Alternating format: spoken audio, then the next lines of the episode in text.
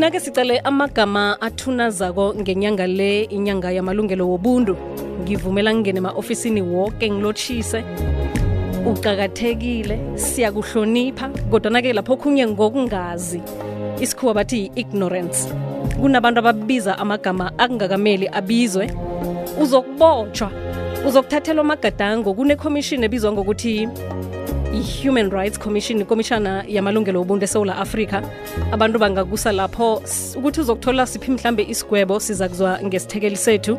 Utamara mathebula kulo mhatsho omkhulu kokwez FM kukhanya ba yachuguluka imzuzu yabalisumi nebunane ngemva kwesimbi yesumi nanye. Tamara lotshani Ah ngilothile. Ninjani? sikhona kukhanya ba kukwekwez FM kunjani wena lapho ukhona Hayi nathi siyaphila kukhanya ba nathi la sikhona. inyanga yamalungelo obuntu inyanga ecakatheke khulu esewula afrika. Sakhumbula ukuthi ilanga lakhona zin-21 mhla namalanga amasumi amabili nalinye enyangeni le. Kho usitshele nge-hate speech namkhana-ke ikulumo enehloyo namkhana ethunazako ngiyiphi? Eh siney'nkulumo ezithunazako eh la eMzansi Afrika eh zihlukahlukene eh ziyachazwa eh, ngabantu abaningi eh sizibiza ngokuthi phecelezi ama hate speeches eh lapho uthola khona ukuthi kunabantu lababita abanye abantu ngezindlela etahlukehlukene mm, mm. and lawo ma hate speeches ke siyawachaza ukuthi njengalokho sinayo i-constitution eh yethu la eSouth Africa iyachaza ukuthi akufanele ukuthi eh, sihlukahlukanise abantu sibachade eh, ngamagama a- a- awangalungile. Ngikho- kunamagama ke la esawabona abantu bazakhela wona kodwa sathola ukuthi ekuhambeni kwesikhathi lamagama awalunganga ngoba ayadiscriminate kakhulu. Mm. and lawo magama ke sizowachaza ke njengoba siloko si- siqhubeka nenkulumo yethu. Ngikuzwa kuhle kuyokufanele ukuthi vele sesingene siwahlathulule amagama layo ngombana abantu bazithole basekingeni. Omunye wabhale lapha kufacebook angatshetsha acotshwe emsebenzini eh ekampanini. Bathi thina asimfuni umuntu othatha ikampani ethu ayibeke endleleni namkhana-ke ebujameni bokuthi abantu bayicale ngale ndlela abayicala ngakho ngenxa yakho wena msebenzi. Atholakala kuphi amagama la? Siwabona kunalapho kunalapha atlolwe khona engingayokuthi khe ngidobhe incwajana nasi ngiyozifundela ngawo amagama layo Eh msakazi angisho ukuthi eh, lamagama awabhaliwe phansi kakhulu akuyona into ongayithola eh, ibhaliwe noma ikhona kuma dictionary mm. eh ethu kodwa sinayo laphayana i-organization esiyibiza ngokuthi ngu-consult Okay. Nathi sike sathi kuhlala phansi nayo singu-CGE Commission for Gender Equality. Sabheka ukuthi maphi lamagama awakhulunywako eh, owatholayo abantu ababitana ngawo eh, uma bengabitani ngawo uthola ukuthi abantu lana eh, ababhala kuma-Facebook noma mhlawumbe uthola ukuthi eh, umuntu uzokumemeza nje akumemeze ngalelo gama. Mhlawumbe emsakati ngingawachaza nje kancane ukuthi okokuqala nje sibonile lana eh, u-human rights commission elwa namanye amagama la awacalucalula nawa-violate ama-rights abantu. Amagama afana nokubizwa ngokuthi eh, kefa yonke leyo nto leyo uyayithola ukuthi uma ubizwa ngokefa umuntu phela sekakuthukile mase kubiza ngokuthi ukefa eSouth Africa ngoba leyo nto leyo ayivumelekile eh, siyachazana. Lana umnyama eh, kukhona an African futhi no longer black. Eh, there's an African, there's an Indian, there's a a a, a, a colored and there's a white person. And uthola ukuthi eh manje lawo magama akudala kwakubizwana ngawo ukuthi wakhefa eh, wena uyibusmani wena uyitaro eh akekho umuntu owathandayo lawo magama lawo. Noma mhlawumbe akubize ngokuthi wena uyixhosa eh noma wena umchangane eh zonke lezo zinto are tribalistic words.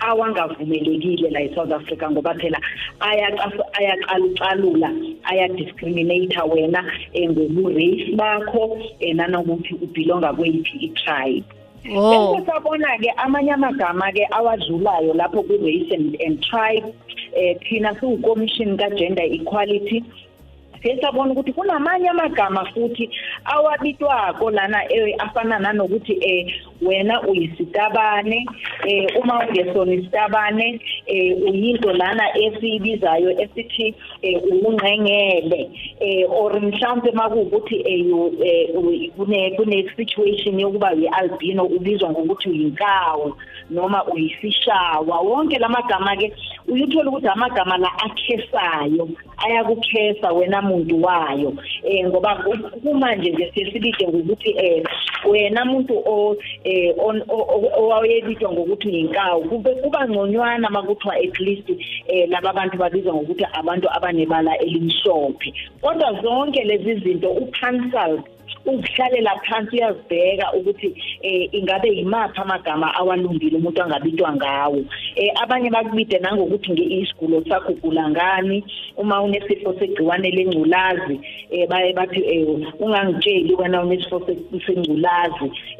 Leyo nto leyo iyenza ukuthi uzizwe ungamukelekile emphakathini. And sinawo amalanga esi-observa ngawo lezi zinto esibiza ngokuthi o-zero eh, discrimination or tolerance. Days la siqwashisa khona abantu eh, ngamalungelo nangalamagama awangalungile esibizana ngawo emphakathini. Ngiba ukubuyisela emuva kancane ngikuze ubiza nangalaba ama- amagama la wokuthi wena umxhosa umndebele umshangana akafuneki Eh, nawo. Ngoba anganabanye ba Lawo magama la uma ulalele ngendlela esibitana ngawo Mm. uthola ukuthi kunokumcwasa umuntu noma ukumdelela. Oh. Yebo siyazi ukuthi akhona amashangana. But uyuthola ukuthi mase kukhulunywa ngamashangana ke kube ngathi ibona laba abantu abangenzi izinto kahle. Eh hayi ngoba sithi awuyena umuntu ongumshangane but uyuthola ukuthi ngendlela esekwenziwa ngayo uthi hayi suka lo mshangane lo. Mina amaqhoza nezitshela ukuthi nihlakaniphile. Uyabona lezo zinto ukuthi ah isiyasuka manje lento ekuthaneni eh vele wena uwumxhosa kodwa manje sekuye ngathi eh ubizwa igama bese kuhlanganiswa nokunye okuthize okuzokubekela phansi wena eh ngobutype bakho. Ngikuzwa kuhle na uthi yindlela engizoye engizoyitsho ngayo eh ukuthi lo i- indebeleli namkhana into efana nalelo ngoba kunabanye godu abazikhakhazisako banentika zibhaliwe 100% ndebele. Proudly shangani. Ngimxhosa izinto ezifana nalezo. Kanti-ke ukula kula ungihlathulule khona ukuthi kuzoba yindlela mina engiyitsho ngakho kuwe. Etsho etshoko ukuthi lento awuyithandi. Manje sumuntu wazithola a- abiziwe ngegama lehloyo namkhana-ke athola azibizwe abizwe ngendlela angayifuniko ngikuphi angakwenza amagadanga angawathatha Eh msakathi ngingasho nje ukuthi kunamanyathelo eh, umuntu angawathatha uma ezithola ebizwa ngalamagama acwasayo. Eh okokuqala nje ngingakusho ukuthi eh kunezinhlangano ezi- ezikhona le esizibiza ngokuthi eh ama commission noma ngaba chapter 9 institutions. ngike ngabalula laphayana ukuthi sikhona thina singu-commission for gender equality uma kuwukuthi uye wazithola ubizwa ngegama elicwasayo ngobulili bakho eh ungakwazi ukuthi uze kithina uzokhala. Uma kuwukuthi mhlambe kuwukuthi igama lelo elicwasa eh, ngokuba eh, uba violator your human rights njengokubiza ngo-K word uyakwazi ukuthi eh uthole laphayana eh, u- u-South African Human Rights Commission ongakwazi ukuthi ucomplain kuyena. Eh bese uthi mawuse ufakile ke leyo complaint yakho bese thina ke siyayithatha. Siyibheke ukuthi ngabe eh into esingayithatha si- sihambe nayo siyibheke eh noma yinto mhlambe eh, eyenzeke esontweni. Noma kuwukuthi uzithole ucwasa esontweni sike sabona laphayana esontweni laseSoweto la kuye kwathiwa khona ongqingili bonke mabaphume. Eh baphuma nangempela eh eminyakeni emibili edlulile. Siye sibheke ukuthi lo mnyango ongaphathelana nokucwaswa kwakho usesontweni noma ucwaswa usemsebenzini.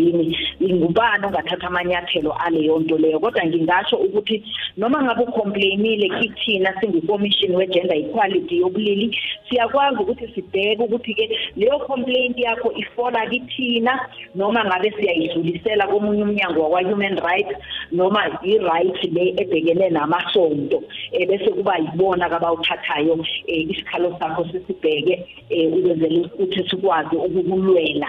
Um kuleso sikhalo sakho osifakile kithina mhlambe kungaba yini isigwebo somuntu ozithole enze lokho? Ngingacalana nesigwebo esingangani nasele ngitholakala ngimlando Eh msakati si kuya ngokuthi eh ukucwasa lokhu ukukhulume kanjani ukuphi?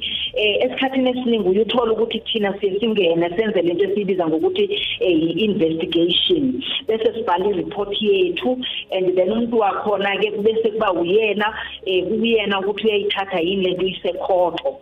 Sibonile esikhathini eziningi eh amacala abhekene nakho eh ukucwaseka lokhu ngazo zona lezi zinto esibizwa ngazo. Eh uyuthola ukuthi mase kufika lapha ecourt ecourt eh bazobhekela phela ukuthi eh ingabe yisiphi isigwebo esingahlangana nawe. Eh kungaba ukuthi uyakhokha imali ethize mhlambe eh ugwetshwe ukuthi ukhokhe eh isinxaphezelo sithize eh mhlambe singaba eh imali leyo akazobona umagistrate ukuthi ngesikhathi umcwasa umuntu umcwase kanjani kuphi and isigwebo saleyo nto silingana nani eh uma kungenjalo ungazithola uvalele kejele eh izinyanga noma iminyaka ethize kuya ngokuthi eh naso isilinganiso leso sesigwebo eh nendlela ecwase ngayo umuntu into engakanani. Kodwa angisho nje umsakazi ukuthi uphakathi kokuthi eh ubhatala im- imali yesiqaphezelo noma uzithole ut- uthothoza ejele uthothozela leyo minyaka ethize ebekiwe eh lapho eh eh, ejele nikatelela kangangani ikhampani namkhana ihlangano echashe umuntu ukuthi imthathele amagadango emsebenzini Eh emsebenzini siye sibaqwashise sisho ukuthi kunamalungelo ukuthi eh mabacomplain eh enama complaints wabo bangawa raise lapha ku ku- human resources. And human resources ke yena ke kunama processes awenzekayo lapha ngaphakathi ecompanyini la uzothola ukuthi eh uma i-complaint sebeyitholile eh kuyahlaliswa phansi kwenziwe lento okuthiwa yi-disciplinary hearing processes abazozilandela beyikampani kodwa uma kuwukuthi umuntu lapha emsebenzini uzithola ukuthi eh wenziwe wonke lama processes kodwa awaphumelelanga afeyilile. Uyakwazi ukuthi manje idaba lakhe alithatha alikhiphele ngaphandle angeza kithina noma aye ku-CCMA Okay. ukuze sikwazi ukuthi sidile nalo udaba lwakhe. Right uma ngiyacabanga ukuthi eh ihlathululo le icakathekile kodwa ke mhlambe bengibuzela ukuthi into yakhona ngiyenze ngaphandle. Eh khe ngithi ngiyenze enkundleni zami zokuthintana ku-social media namkhana ngiyenze sihlezi le ekhaya ukuthi ikampani engiyisebenzela ku-SABC ingene eh niyayikatelela nina njengabantu becommission namkhana ke ithinteka kangangani yona ekutheni ithatha amagadango ngesenzo engisenze ngingaphandle? Eh msakathi angisho ukuthi isenzo osenza singaphandle siyabuyela kwekhe ekampanini yakho ngoba usuke uwumuntu you are a public representative. Uma kuwukuthi umsakazi you represent everyone ongaphandle. Ingakho kufanele ukuthi each company ifanele bafundise abantu bayo ukuthi umuntu ufanele aziphathe kanjani. And athina ama-values aleyo kampani yizini izinto ezingeke inkampani izimele ekuthaneni izisebenzi zazo? Ngaphakathi nangaphandle ekampanini ukuthi zizenze ngeke izimele and uma kuwukuthi wena utholakale ungaphandle whether yinto oyibhalile kwi-twitter noma kwi-social media noma ngabe yinto oye wayisho usezinkundleni zithize but ngaphandle komsebenzi lokho kuyakulandela kubuyela enkampanini yakho ngoba umuntu ongacomplaina ucomplaina ngawe njengomuntu waka-SABC ucomplaina ngami njengomuntu waka-commission for gender equality. Leyo nto izobuya ibuyele enkampanini yami.